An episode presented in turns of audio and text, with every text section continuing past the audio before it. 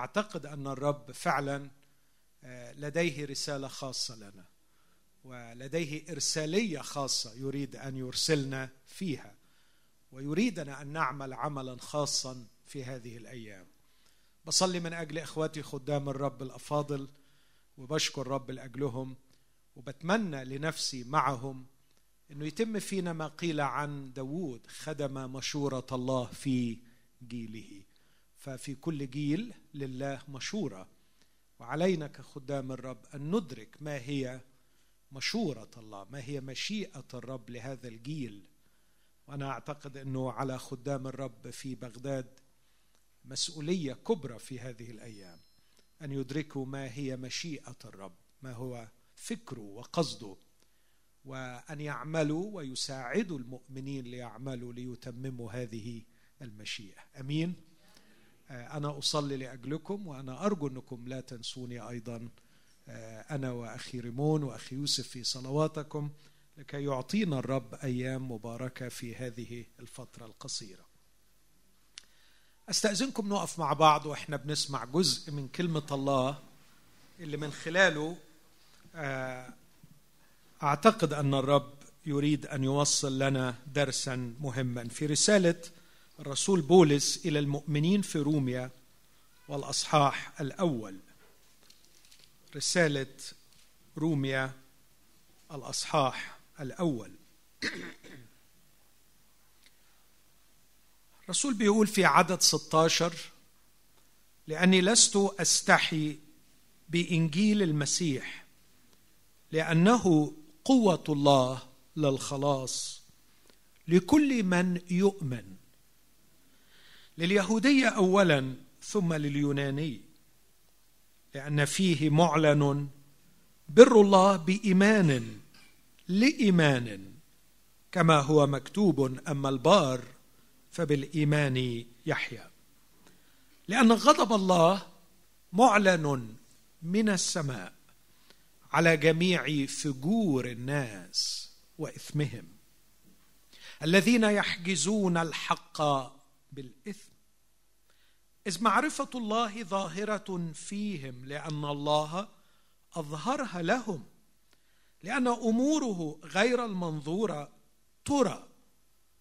ترى منذ خلق العالم مدركة بالمصنوعات قدرته السرمدية ولاهوته حتى إنهم بلا عذر. لأنهم لما عرفوا الله لم يمجدوه أو يشكروه كإله. بل حمقوا في أفكارهم وأظلم قلبهم الغبي. وبينما هم يزعمون أنهم حكماء صاروا جهلاء. وأبدلوا مجد الله الذي لا يفنى بشبه صورة الإنسان الذي يفنى والطيور والدواب والزحافات.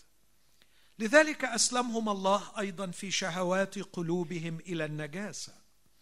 لإهانة أجسادهم بين ذواتهم.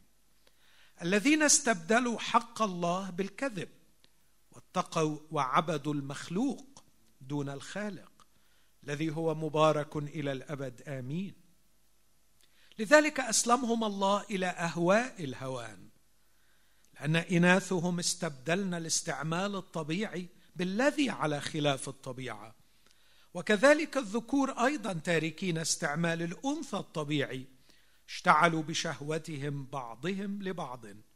فاعلين الفحشاء ذكورا بذكور ونائلين في أنفسهم جزاء ضلالهم المحق.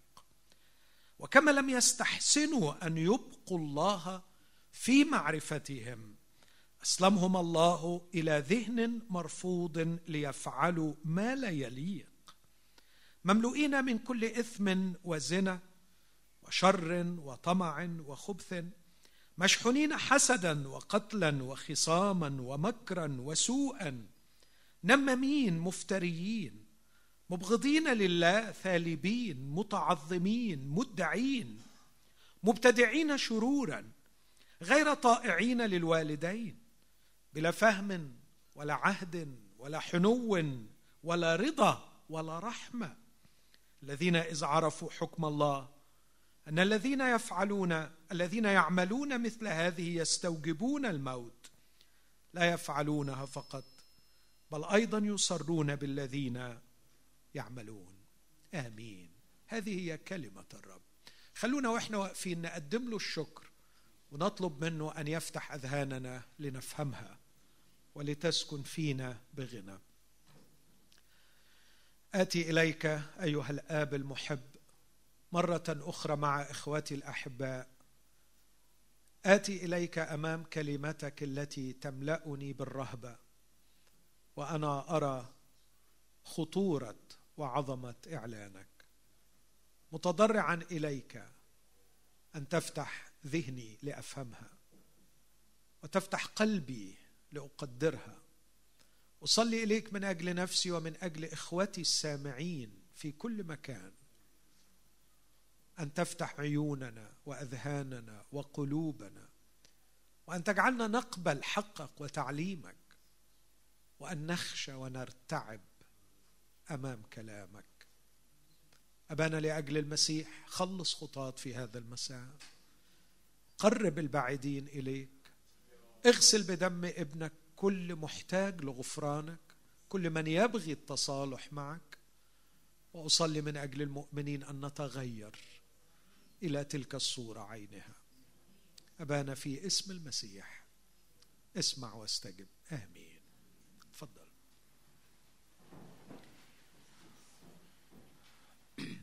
هذه الرسالة العظيمة لدي شخصيا شغف خاص بها أحبها أحب أن أقرأها أحب أن أدرسها وأتعلم منها كثيرا. وفي فترة معينة من فترات حياتي أعطاني الرب مرحلة طويلة من عمري أقدم فيها هذه الرسالة المباركة. كنت أعظ تقريبا مرة كل شهر في أحد الاجتماعات واستمرت دراستي فيها لمدة 16 سنة. 16 سنة كنت أعيش في رحاب.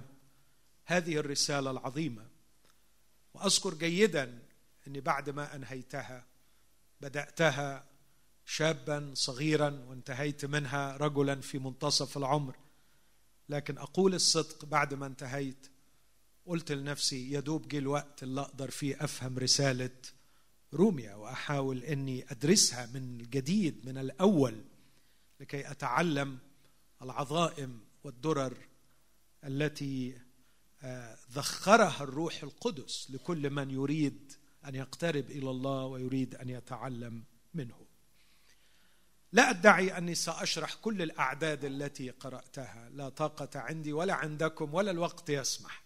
لكن مجرد ملاحظات سريعة على بعض الكلمات في هذا الجزء الذي قرأناه.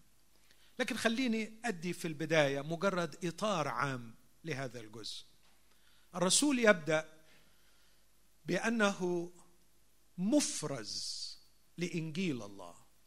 يقدم نفسه في هذه الرسالة للمؤمنين في مدينة روما العظيمة على أنه خادم للمسيح رسول لكن يعرف نفسه بهذا التعريف في أول عدد من الرسالة. يقول بولس عبد ليسوع المسيح المدعو رسولا وبعدين يقول المفرز لإنجيل الله. فهو مخصص ومفرز. ومن أماكن أخرى هو أدرك أن الله دعاه وأفرزه من بطن أمه ليخصصه للكرازة برسالة الإنجيل. وكان لابد أن يتقدم خطوة ويعلن ما هو الإنجيل. فقال أن الإنجيل معنى كلمة إنجيل كما يعلم معظم احبائي خبر صار خبر مفرح. عن ماذا؟ عن أي شيء هذا الخبر؟ لقد وصل موسى رجل الله في يوم من الأيام إلى شعب إسرائيل وهم مستعبدين في أرض مصر.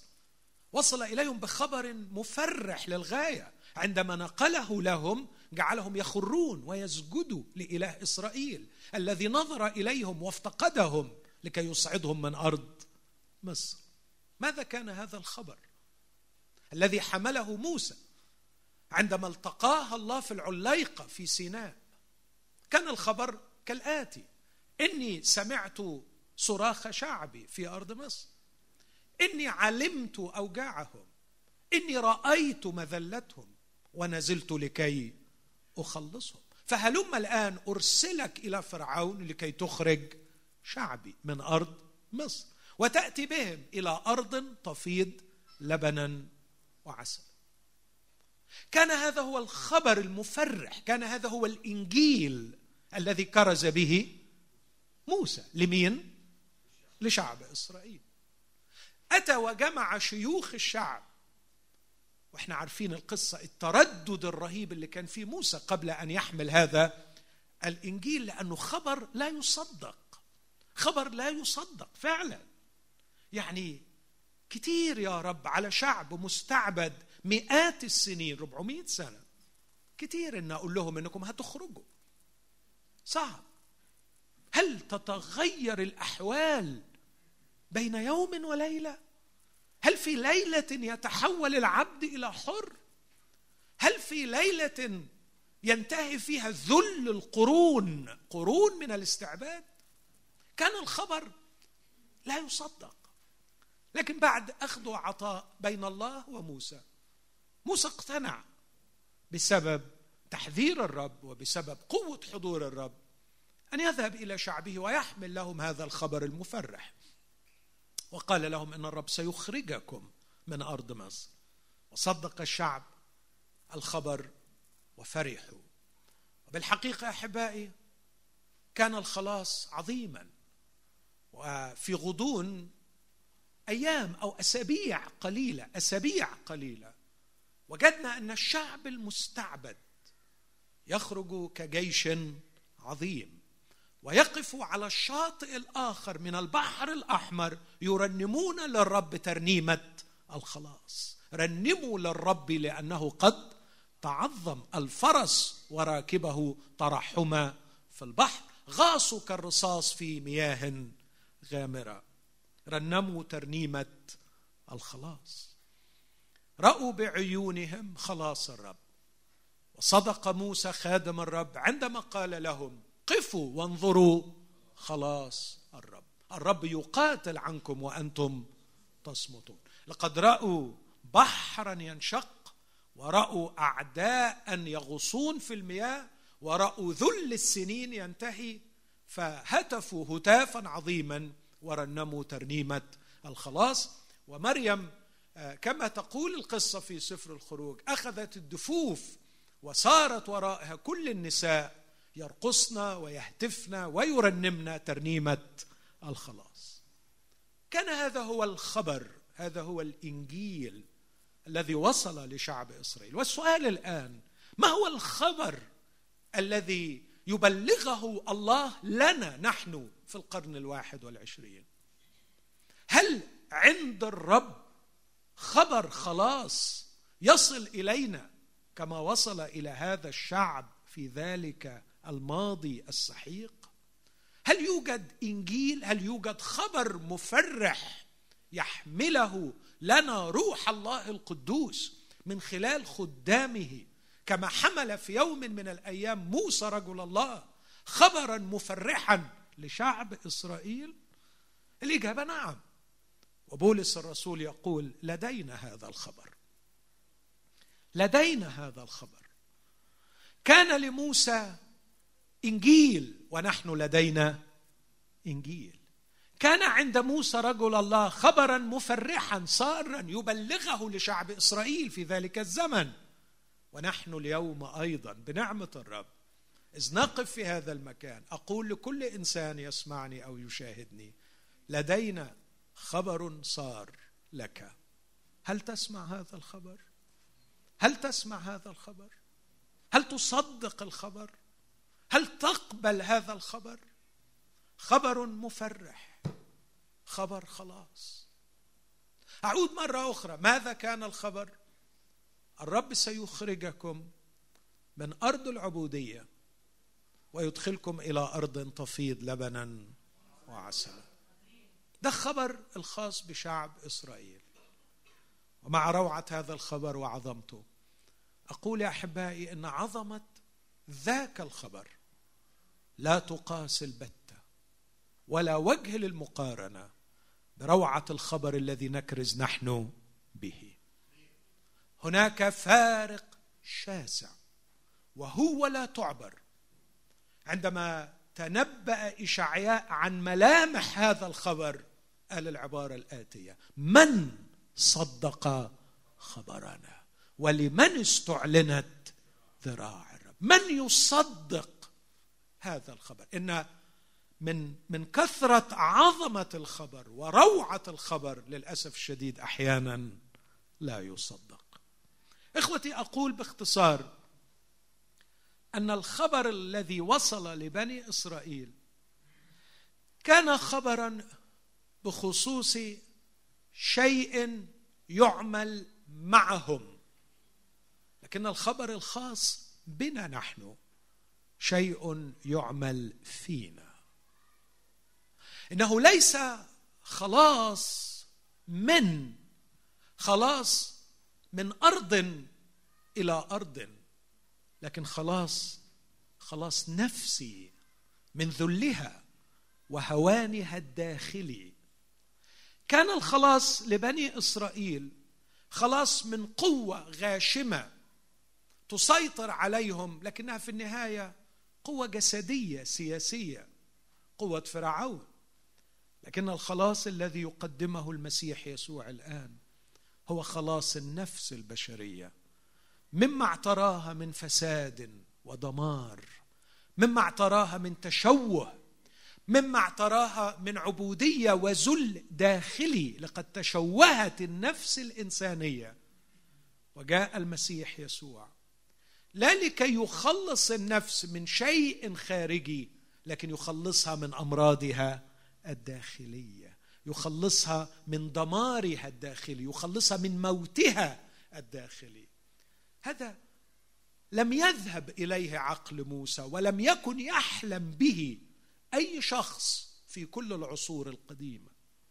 أتمنى مع الوقت في خلال الدقائق القادمة أن يتضح معنى ما أقول.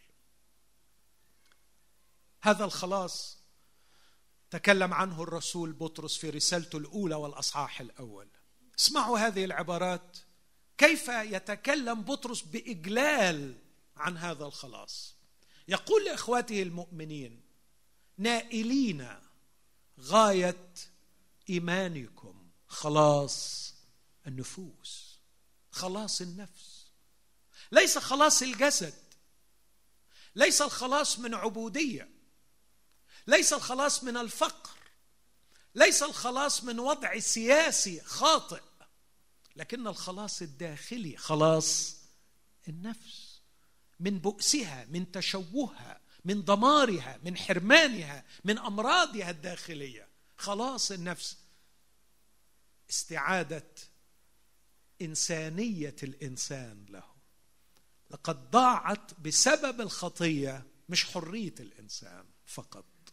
مش كرامة الإنسان فقط مش فرح الإنسان فقط لقد ضاعت إنسانية الإنسان. إن النفس البشرية إن كانت تحتاج إلى شيء فإن أعمق وأعظم وأهم وأخطر ما تحتاج إليها تحتاج أن مخلص يستعيد لي إنسانيتي. إخوتي دعوني أقول عندما عشت في الخطية وسادت علي الخطية خسرت إنسانيتي فقدت إنسانيتي فقدت إنسانيتي.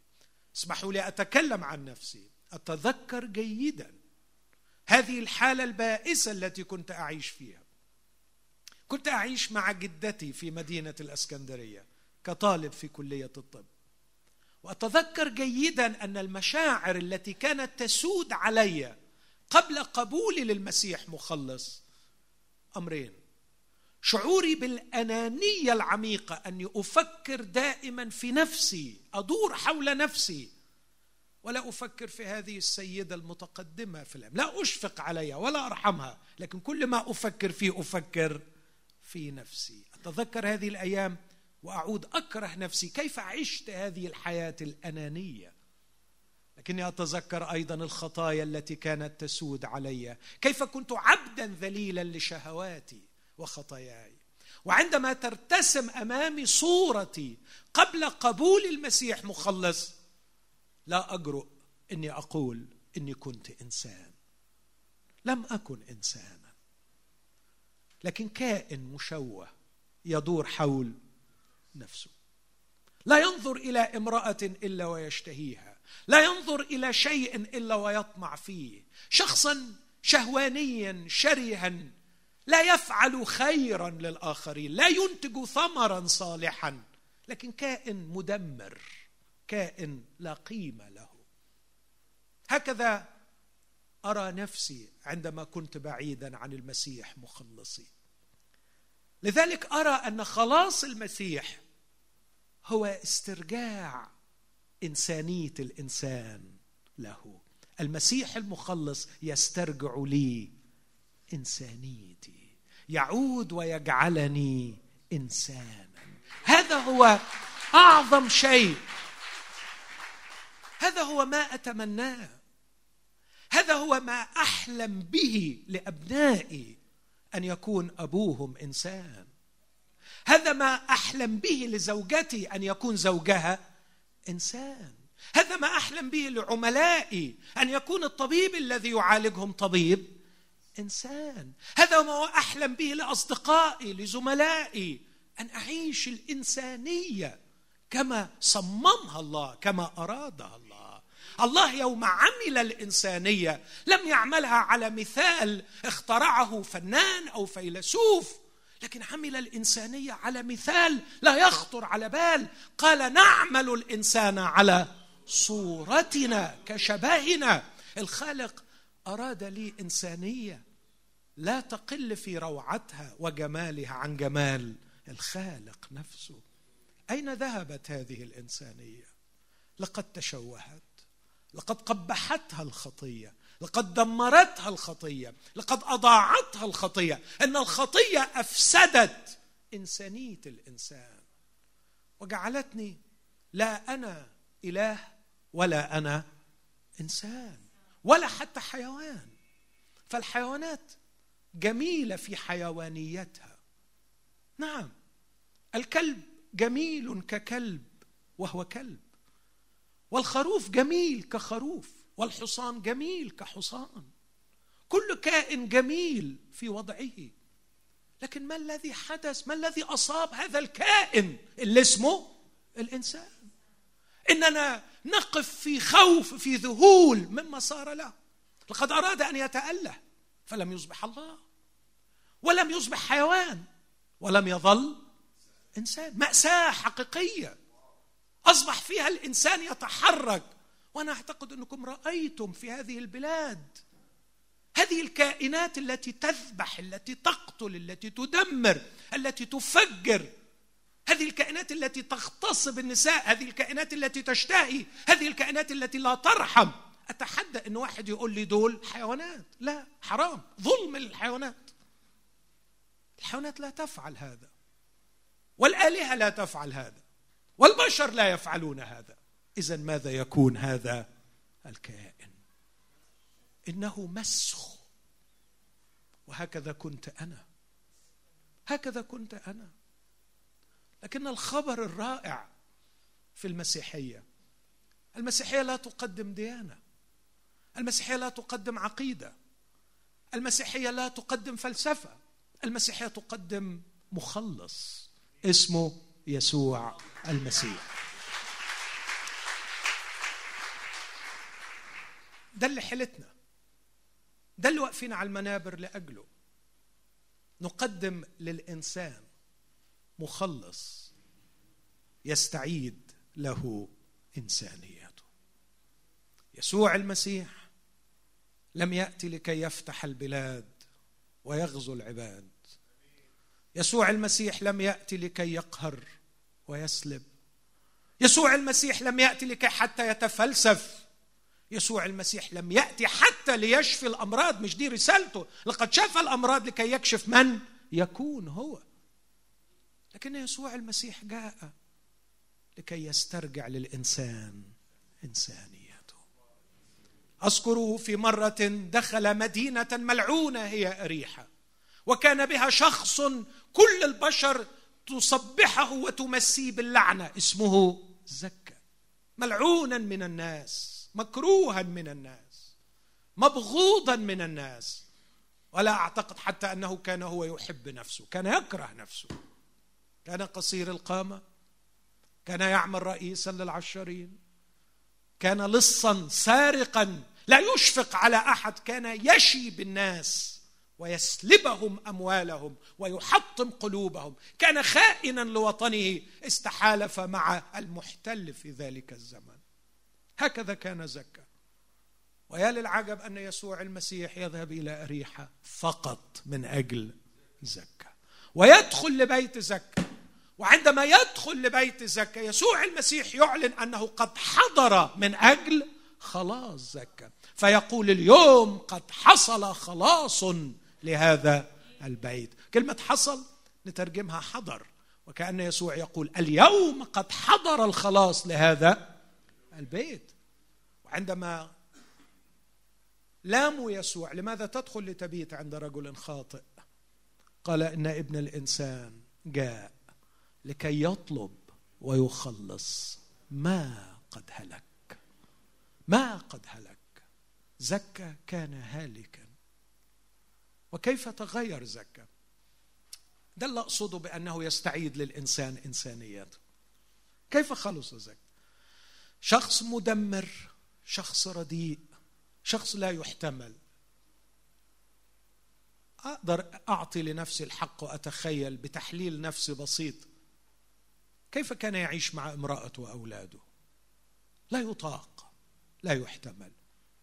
لكن زكى اسمعوني يا إخوتي واحكموا أنتم. يبيت معه يسوع الحلو. فيقوم زكى ويقول يا رب نصف أموالي للفقراء والمساكين. وإن وشيت بأحد أرد أربعة أضعاف. إخوتي عندما أرى هذا النموذج وأرى في بقية الأيام زكى يفي بوعده وهو يجول من بيت إلى بيت يبحث عن الفقير والمسكين لكي ما يسد جوعه لكي ما يسد دينه لكي ما يغنيه ويخرجه من فقره ويوزع أمواله على الفقراء والمساكين. وأنا أتخيل زكى يطرق بابا بعد باب ليصل إلى إنسان قد سرقه وشبيه من قبل ويقول له اغفر لي قد أخطأت في حقك وشيت بك عند الدولة الرومانية. وشيت بك بهذا المبلغ من المال. ها أنا أرده لك أربعة أضعاف.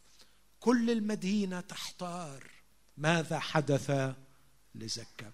وأعتقد أنهم لو يسمعون اليوم يوافقونني. لقد عادت إليه إنسانيته. عندما حضر يسوع لهذا البيت يسوع المخلص وخبر الخلاص أن الله في المسيح يسوع يريد أن يبلغك ويبلغك هذا الخبر.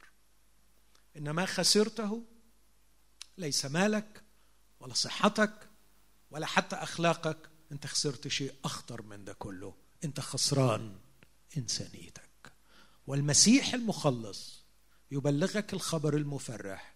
هو مستعد الليلة أن يسترجع إليك إنسانيتك. إنسانيتك. يجعلك تعود إنسان. مخلوق على صورة الله.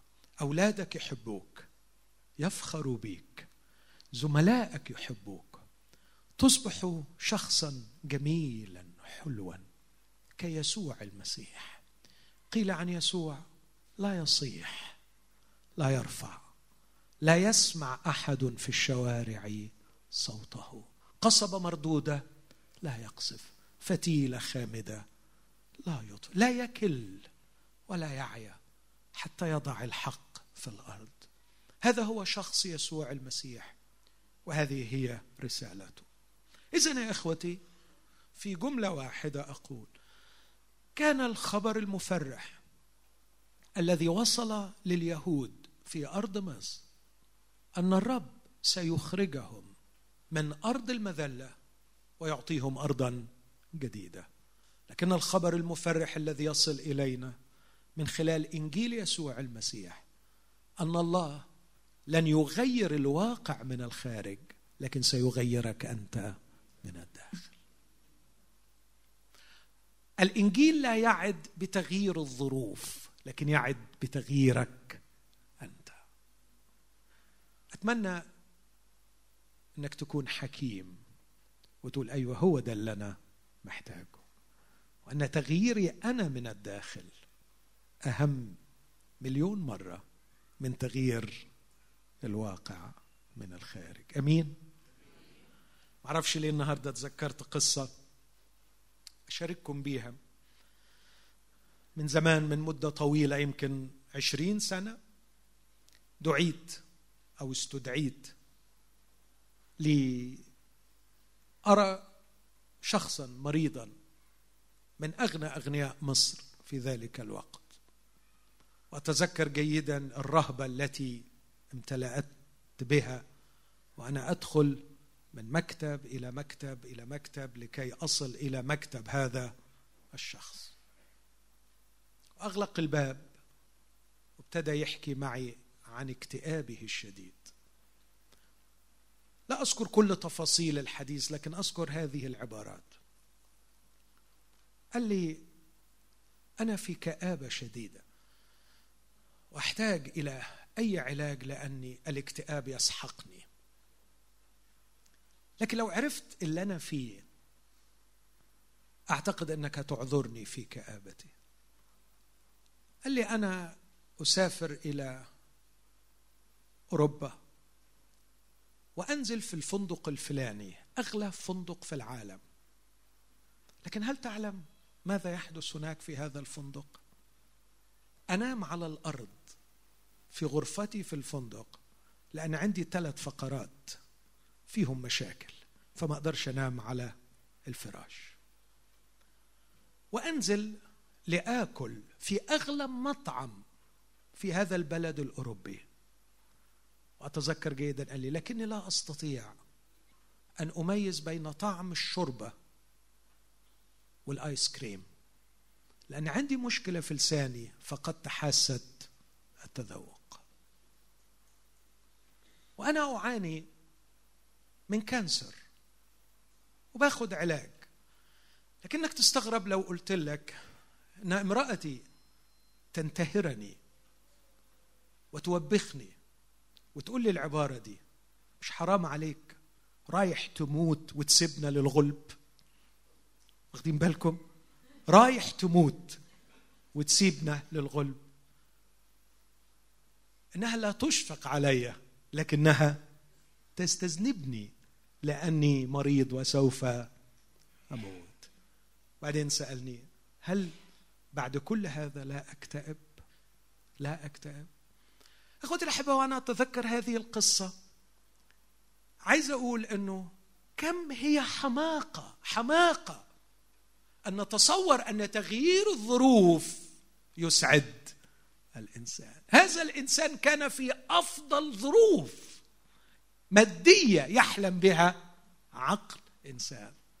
لكن أشياء بسيطة جدا في الداخل تشوهت شوهت كل شيء. هذا الإنسان يحتاج إلى رحمة داخلية وليس إلى شيء من الخارج.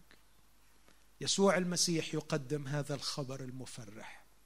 أنا مستعد أن أغير لك الداخل. إذا وضعت هذه الصورة الكئيبة لهذا الرجل وذهبت إلى بولس الرسول وأرى بولس في سجنه وهو يكتب للمؤمنين في فيلبي من سجنه شيخ مليان بالأمراض ملقى في السجن لا أحد يهتم به لكن يكتب لإخوته ويقول افرحوا في الرب كل حين. وأقول أيضا افرحوا. لا يكتب رسالة عن الاكتئاب لكن يكتب رسالة عن الفرح.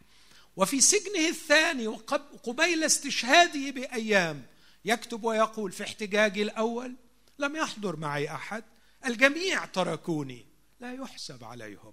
لأن الرب وقف معي وقواني. فأنقذت من فم الأسد وسينقذني الرب من كل عمل رديء ويخلصني لملكوته السماوي. يكتب هذه الكلمات بفرح. جهدت الجهاد الحسن.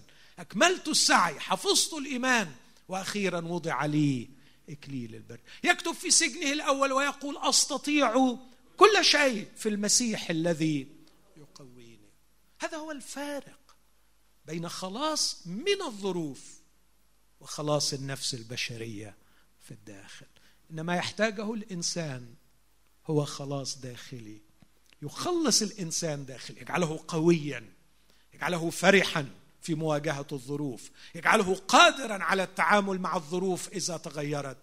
أو بالحري كما ذكرت يعيد إليه انسانيته هذا هو الخبر الذي نملكه. بولس الرسول بيقول أنا مفرز لهذا الإنجيل إنجيل المسيح. عن أي شيء هذا الإنجيل؟ أو حد يستنتج خطأ من اللي أنا قلته؟ أنه عن استعادة إنسانية الإنسان. لا أنا ما قلتش كده بالظبط هوضح كلام. بولس بيقول مفرز لإنجيل الله عن ابنه. بص كده معايا في العدد الأول المفرز لإنجيل الله. عدد اثنين الذي سبق فوعد به بأنبيائه في الكتب المقدسة. عدد ثلاثة عن ابنه. من هو ابنه؟ من هو ابن الله؟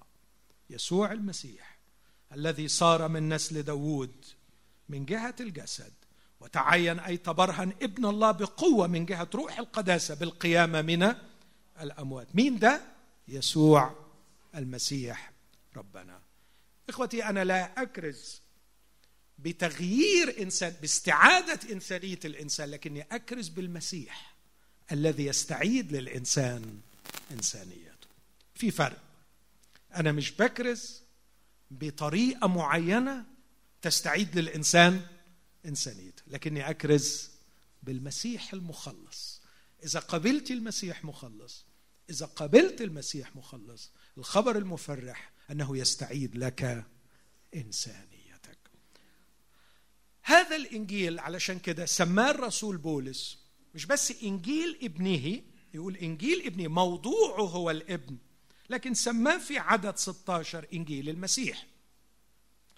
ولما بيقول إنجيل ابنه يشير إلى الشخص ولما يقول إنجيل المسيح يشير إلى العمل الذي سيعمله المسيح. إنجيل المسيح لست أستحي بإنجيل المسيح لأنه قوة الله للخلاص. يبقى كم اسم ادى الرسول للإنجيل لغاية دلوقتي؟ إنجيل الله إنجيل ابنه إنجيل المسيح. إنجيل الله مصدره الله موضوعه ابن الله وعمله الحقيقي أن المسيح سوف يخلص الإنسان ويستعيد إليه إنسانيته. باقي الجزء ده يشرح الرسول بإبداع الحاجة لهذا المخلص الذي يستعيد للإنسان إنسانيته. يشرح الواقع الذي الواقع المرير الذي وصل إليه الإنسان. هذا الواقع الذي يصفه من الأعداد 18 وإلى نهاية الأصحاح العدد اللي أنا قريتها. فكل اللي أنا قريته بيقول لماذا نحتاج إلى الإنجيل؟ أو بالحري لماذا نحتاج إلى المسيح المخلص الذي هو موضوع هذا الإنجيل؟ أتوقع إنه الأعداد دي بناء على اللي أنا شرحته تكون بتكشف إنه الإنسان مش فقد أرضه ولا فقد حريته ولا فقد ممتلكاته لكن الإنسان فقد انسانيته مظبوط؟ طب وهو فعلا الأعداد دي بتقول إن الإنسان فقد إنسانيته؟ إيه رأيكم؟ فاكرين الأعداد اللي أنا قريتها؟ طيب أنا هاخد بس آخر جزء فيها وأقرأ مرة تاني لو تسمحوا لي. آخر جزء. بص كده وحاول تركز معايا بإنك تتخيل. خلي الخيال يشتغل شوية. بيقول عنهم ابتداء من عدد 29 مملوئين من كل إثم وزنا. وش... عد معايا عد معايا الشرور دي. وبيقول عنها مش إن عندهم بيقعوا فيها لا دول بقوا إيه ها؟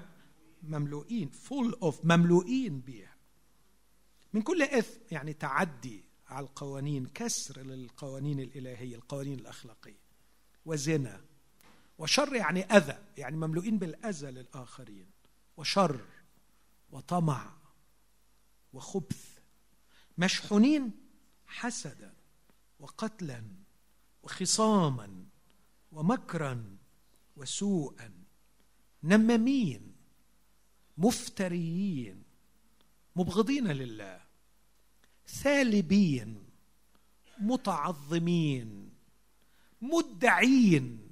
عارف يعني إيه مدعين؟ يعني يقعد كل شوية يدعي أشياء غير حقيقية لكن يدعي. مبتدعين شرورا. يعني ما يكفوش إنه بيعمل الشرور المعتادة لكن هو كمان يخترع. غير طائعين للوالدين.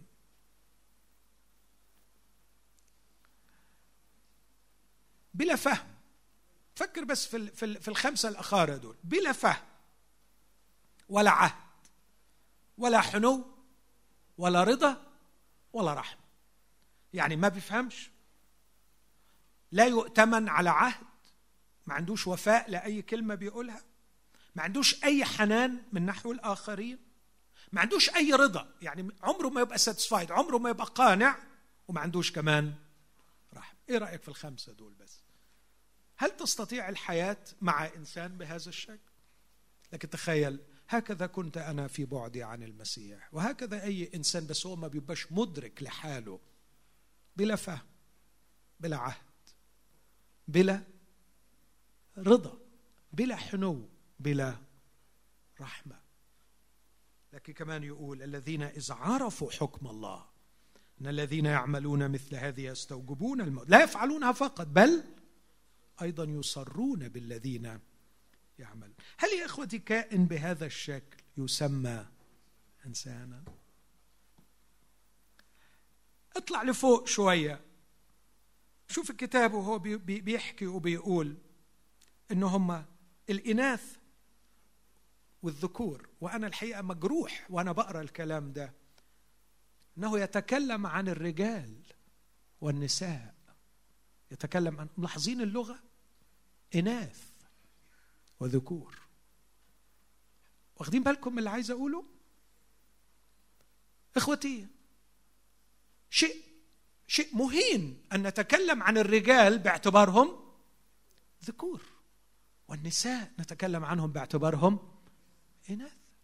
لكن للأسف الشديد لأنهم اختزلوا أنفسهم إلى جنس جنسانيتهم سكشواليتي خلاص أصبح الشخص يعرف نفسه من خلال ال sexuality بتاعته من خلال الجنسانية بتاعته. يعني لم يعد يرى نفسه بكل عظمتها واتساعها لكن ال identity الهوية بتاعته يأخذها ويعرفها من خلال جنسه. ذكر أنثى ودلوقتي بقي في أنواع أخرى. وكم كان مؤلما وهو يقول أنهم تركوا الاستعمال الطبيعي. بالذي هو على خلاف الطبيعي. لقد تركوا كل ما هو لقد ضاعت ضاعت ال nature nature بتاعت الإنسان طبيعة الإنسان. لقد ضاعت فسدت أصبح الإنسان في احتياج إلى مخلص يستعيد إليه إنسانيته. يرجعني لا ذكرا بل يرجعني رجلا. بكل ما تعنيه كلمة رجل. ويرجع المراه امرأة عظيمة بكل ما تعنيه كلمة امرأة. هذا هو الواقع المؤلم الذي دخلت فيه البشرية. لاحظت في هذه الأعداد ثنائيات كثيرة يعني مش أقل من عشرين ثنائية أشياء مرتبطة ببعض. لاحظ مثلا علق في ما تبقى من وقت على ثنائية أو اثنين بالكثير. الثنائية الأولى أن في الإنجيل معلن بر الله ومن السماء معلن غضب الله. تنساش الأمرين دول. بص كده عدد 17 وعدد 18 لست أستحي بإنجيل المسيح لأنه قوة الله للخلاص إلى آخر العدد يقول لأن فيه معلن بر الله بإيمان لإيمان. بعدين في عدد 18 لأن غضب الله معلن من السماء. إذا لدينا بر معلن ولدينا أيضا غضب معلن. اقف وقفه صغيرة عن البر المعلن في الإنجيل والغضب المعلن من السماء. البر ما هو البر؟ كلمة مش سهل ترجمتها لكن خلينا أقول وضع الأمور في نصابها الصحيح. استعادة الأمور إلى وضعها الصحيح. أو بلغة أخرى استعادة الاتساق الذي قد فقد. في اتساق مفقود في انسجام مفقود في شكل مفقود. بر الله يستعيد الأمور إلى وضعها الصحيح. يمكن أقرب كلمة ليها كلمة العدل. وأحيانا كلمة بر الله تترجم عدل الله. لو أنا سألت وقلت لك ممكن باختصار تقول لي ما هو دور القاضي في المحكمة؟ في المحكمة صراخ في المحكمة ظلم في المحكمة تشويه. اللي يدخل قاعات المحاكم ويسمع اللي بيقول يرتعب من كثرة الأشياء المرعبة التي يسمعها إيه دور القاضي؟ ما دور منصة القضاء؟ دور القاضي يستعيد الأمور لوضعها الصحيح يحكم بالعدل. فيجعل البريء بريئا والمذنب مذنبا. ويفك الظلم عن المظلوم ويعاقب الظالم. يضع الأمور في وضعها الصحيح. الخبر الرائع أن بر الله معلن في الإنجيل. معلن في الإنجيل لكي يستعيد الأمور لوضعها الصحيح. بس الحقيقة في حاجة تخوف هنا. لو بر الله التقى بي بدون المسيح وأراد أن يضع الأمور في وضعها الصحيح فالحل الوحيد إنه هيعمل إيه؟ سيقضي علي. سيقضي علي.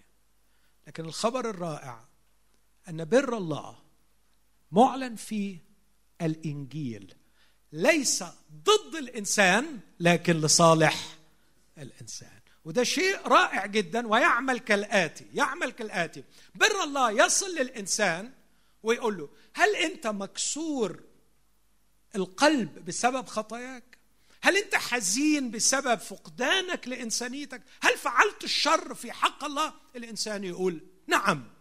يقول يا بختك بر الله سيعمل لحسابك لأنه في شخص أحبك من ألفين سنة ومات لأجلك ودفع أجرة خطاياك. وبر المحكمة بر الله ينبغي أن يقضي بالعدل فيحكم لصالحك لأنه يوجد شخص دفع الحساب عنك فاخرج حرا بريئا طليقا. فأصبح بر الله بدلا من أن يعمل ضدي أصبح يعمل معي لحسابي.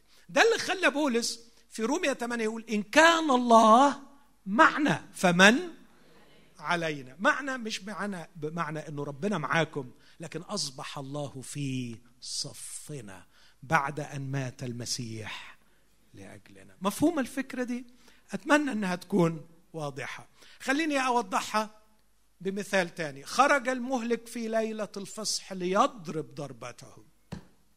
ليضرب ضربته. سيهلك كل بكر.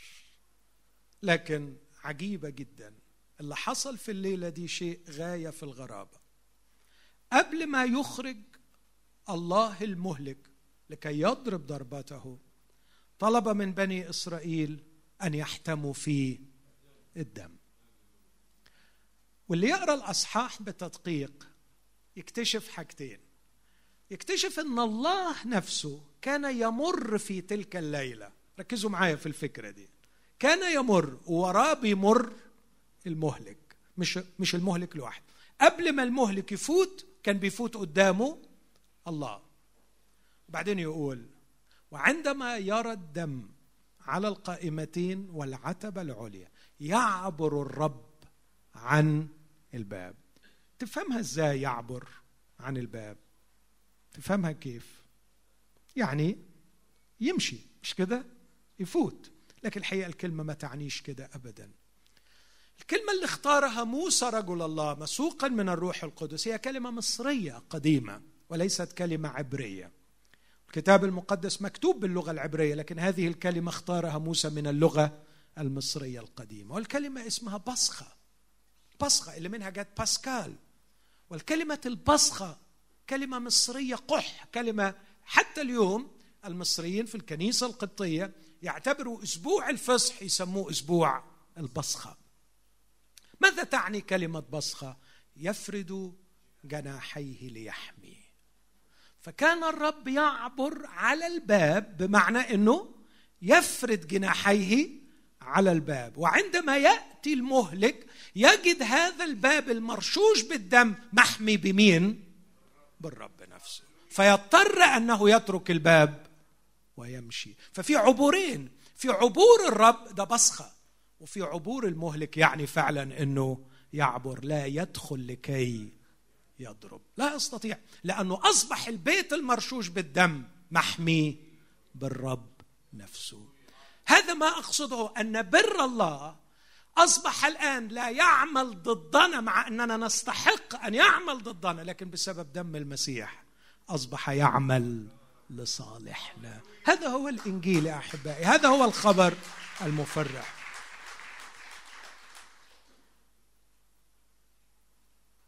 عليك أن تواجه هذه الحقيقة. أنا أخطأت. فعلت الشر. عوجت المستقيم. لكن الخبر المفرح سمعت الفادي يقول اطلقوا. عن الهبوط إلى الحفرة قد وجدت فدية. المسيح مات من اجلي على الصليب فأصبح بر الله بدلا من أن يدمرني. أصبح ملتزما بأن يخلصني لأن المسيح مات من اجلي البر معلن لحساب الإنسان وليس ضد الإنسان. لكن كمان في غضب معلن من السماء. يعني إيه معلن من السماء؟ يقصد إيه من السماء؟ يقصد يعني من من عند النجمة اللي فوق؟ يقصد إيه من السماء؟ يقصد من القمر؟ يقصد من الشمس؟ يقصد من عالم آخر وراء هذا العالم.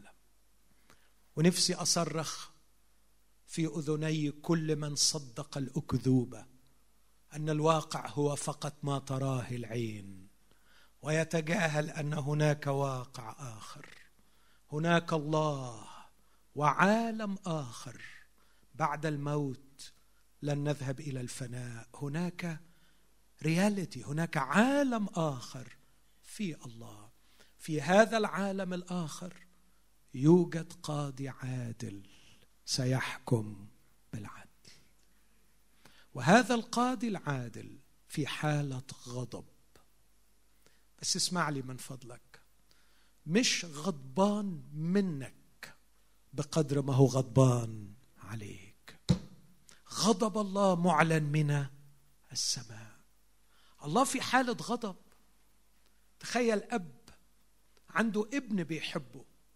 وشايف الابن اللي بيحبه يفسد مستقبله ويظلم إخوته ويدمر ثروته. أوصف لي حال هذا الأب. لابد أن يكون في حالة غضب. تعرف ليه في حالة غضب؟ لأنه بيحبه. هذا الأب لو رأى الابن يدمر كل شيء يفسد ثروته يفسد نفسه ويضيع ثروته ويظلم إخوته ويظل هذا الآب مبتسما هادئا. أنا أعتقد أن هذا الآب غير جدير بالاحترام. لا يحب ولا يحترم. إخوتي الأحباء إن غضب الله جزء أساسي من صفاته الرائعة. نحن لا نفخر بإله لا يغضب ولا يمكن أن نعبد الها لا يغضب. لكن الله أعلن غضبه حزنا وكمدا على الإنسان الذي فقد إنسانيته. لكن الثنائية الثانية وأختم بها يقول عن البشر بدأوا رحلة ركز في العبارة اللي هقولها دي. بدأوا رحلة فقدان إنسانيتهم. ما هي رحلة؟ بدأوا رحلة فقدان إنسانيتهم. بهذه العبارة المرعبة يقول على جميع فجور الناس وإثمهم. بدأوا رحلة فقدان الإنسانية بحالة فجور. وحالة الفجور ولدت حالة إثم. وأصبح نقطة البداية التي انطلق منها الإنسان في رحلة فقدان إنسانيته هي حالة فجور. تعقبها حالة الفارق بين الفجور والإثم. الفجور الكلمة اليونانية هي كلمة نافية لحالة الاحترام العميق المشوب بالرهبة وخلينا أقول الانبهار اللي بيسموه بالإنجليزية the sense of awe. أن الإنسان يفقد هذه الحالة الداخلية من الإعجاب والرهبة والاحترام لكائن أعظم منه ومتجاوز عنه. حالة داخلية من الاحترام والرهبة. ريفرنس انبهار. خشوع. هيبة.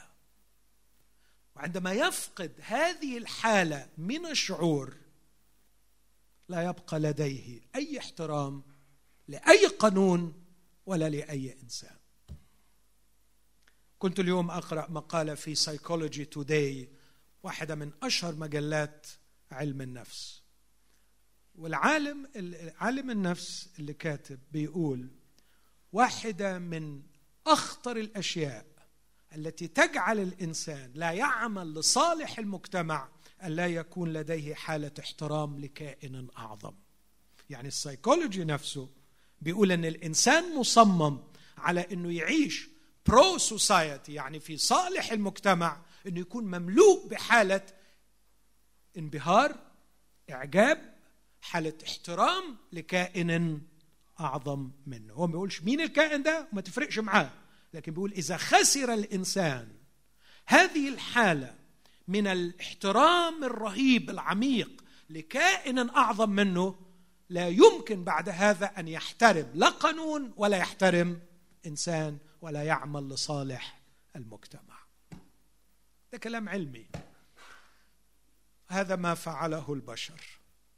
عندما خسروا الله عندما انفصلوا عن الله خسروا أروع وأسمى شعور. أنا شخصيا دايما أقول هذا الشعور هو ما يحتفظ بي حيا ما يحتفظ بي مبتهجا أني أعيش باستمرار في حالة انبهار في حالة خشية ورهبة في حالة تقدير يصل لحد العبادة لإله عظيم يتجاوز عني أعلى مني أكبر مني. شيء مرعب إن الكل يصغر في عينيك وإنك ما تعودش تشوف حد كبير عنك أكبر منك. لكن واضح إن إحنا عايشين في أيام دلوقتي الناس رافضة إن يكون في كبير. الناس رب... لأنها تعبت تعبت لأنه في ناس كتير خدوا مكان الله. لكن كونك تعبت من الناس اللي تألهوا والناس اللي خدوا مكان الله ده لا يبرر ابدا رفضك لوجود كائن عظيم يستحق التبجيل والاحترام والخشية. السؤال هل الله في ذاته وصفاته إذا أعلن نفسه لنا سنكتشف أنه جدير بهذه الرهبة؟ جدير بهذا الانبهار جدير بهذا الإعجاب بهذه الخشية. كل يوم تسير فيه مع الله كل يوم يتكشف لك الله فيه. سيعلن الله لك عن ذاته وسيكشف لك أشياء تجعلك في هذه الحالة من الخشية والارتعاد والرهبة أمامه. وعندما تكون مثقلا مثقلا بهذه المشاعر الجميلة خلينا أقول بلغة بسيطة هتبقى سعيد هتبقى مؤدب هتبقى محترم وهتجبر الناس على احترامك وهتبقى عفيف وهتبقى ضابط لنفسك وهتبقى خلينا أقول بتحترم كل قانون وبتحترم كل إنسان لن يحتقر إنسان في عينيك ولن بسهولة تستطيع أن تتعدى قانون بيقول لك لا تتعدى لأنك مملوء بحالة الخشية. هذه الخشية تكلم عنها العهد القديم والعهد الجديد. في هذه العبارة خوف الرب مخافة الرب. لما يقول مخافة الرب ومئات الآيات عن مخافة الرب هل يقصد خوف من الله؟ لا لكن حالة الريفرنس الاحترام التقدير الخشية. طوبى للرجل المتقي الرب يسلك في وصاياه. الشخص الخائف الرب يعيش في وصايا الرب. قيل عن يسوع المسيح نفسه أنه كان تقيا في حياته الإنسانية. يقول سمع له من أجل تقواه. لكن أختم بآية في رسالة العبرانيين. تشرح العلاقة ما بين الحالة الأخلاقية وحالة الانبهار بالله. يقول في رسالة العبرانيين أصحاح 12 وعدد 27 أو أقرأ عدد 28 عبرانيين 12 28 لذلك ونحن قابلون ملكوتا لا يتزعزع ليكن عندنا شكر. به نخدم الله خدمة مرضية بخشوع وتقوى لأن إلهنا نار آكلة. عندما أرى إلهي كلي الحب لكن عجيب كلي الحب أراه في صورة نار. آكلة. إيه رأيك في الإحساس ده؟ أعرف أنه أبي وأعرف أنه يحبني وأعرف أنه لم يشفق على ابنه من أجلي وأعرف أنه يحصي شعر رأسي وأعرف أنه يهتم برجلي وبحذائي وبثيابي أعرف أن أبي يحبني وفي نفس الوقت أرى أبي أبي نار آكلة. هذا المزيج من الحب والقوة البادية في شخص إلهي. تملأني بمشاعر خشية ورعدة. لكن ليس خشية من يبتعد عنه لكن خشية من يريد أن يقترب إليه. علشان كده هذه الحالة تملأني بالشكر. ليكن عندنا شكر. أصبح مملوء بالامتنان لخالقي. وأخدمه أي أعبده عبادة مرضية. سأكون ممتنا وسأكون عابدا لكن أعبد إلهي بخشوع وتقوى. ما أجمل هذه الإنسانية؟ أعيش في خشوع أعيش في تقوى أعيش عابدا لإلهي. أعيش عاشقا لهذا النور والنار البادي في طبيعة إلهي. لكنهم عندما خسروا هذه الحالة سقطوا فيما سماه الرسول فجور آسيبيان باليوناني يعني حالة عدم احترام. فقدوا حالة الاحترام. وعندما فقدوا حالة الاحترام لم يعد هناك مكان لأي قانون أخلاقي. لذلك فجروا وأثموا. عندما خسروا الاحترام لله خسروا الطاعة للقانون. وهذا ما يجعل الله يعلن غضبه من السماء. إيه خلاصة الحديث بتاعي الليلة؟ المسيحية تقدم خبرا مفرحا أمين؟ الخبر المفرح عن مين؟ عن يسوع المسيح. إيه شغلة يسوع المسيح؟ مخلص. ماذا يفعل يسوع المسيح لمن يقبله مخلص؟ يستعيد له إنسانيته. ما هي علامات عودة إنسانيتي لي؟ في كلمتين يعود إلي هذا الشعور بالرهبة والاحترام لإلهي. أنا إنسان بقدر ما أحب الله وأحترمه. عندما تعود الخشية والرهبة هذه أول علامة أن إنسانيتي عادت إلي. وعندما أمتلئ بالخشية والرهبة لإلهي سأحترم كل قانون أخلاقي فسأتجنب الإثم وأبعد عنه. لا أفعل الخطية لا أفعل الخطية مش خوفا من عقاب لكن لأني مملوء بالرهبة والحب والخشية لإلهي. من كل قلبي أصلي لأجل كل شخص يسمعني. إذا كنت إلى الآن لم تقبل المسيح مخلص افتح قلبك له لكي يخلصك ويرجعك تكون إنسان. ولدي رسالة لكل مؤمن يقول أنه قبل المسيح مخلص. أخي الحبيب وأنت في الخفاء بعيدا عن أعين الناس وأنت تقود سيارتك وأنت تجلس على الإنترنت بمفردك. عندما لا تراك عين عندما لا يسمعك إنسان هل أنت ممتلئ بالخشية والرهبة لله؟ أسألك هذا السؤال وأترك الروح القدس يكلمك. ارجوك وأرجوك اسمعني. إذا خسرت خشيتك لله أنت خسرت إنسانيتك. أنت إنسان بقدر احترامك لله. أرجو أن إحنا نقف مع بعض وإحنا بنقول العبارة دي مع بعض. فليكن عندنا شكر.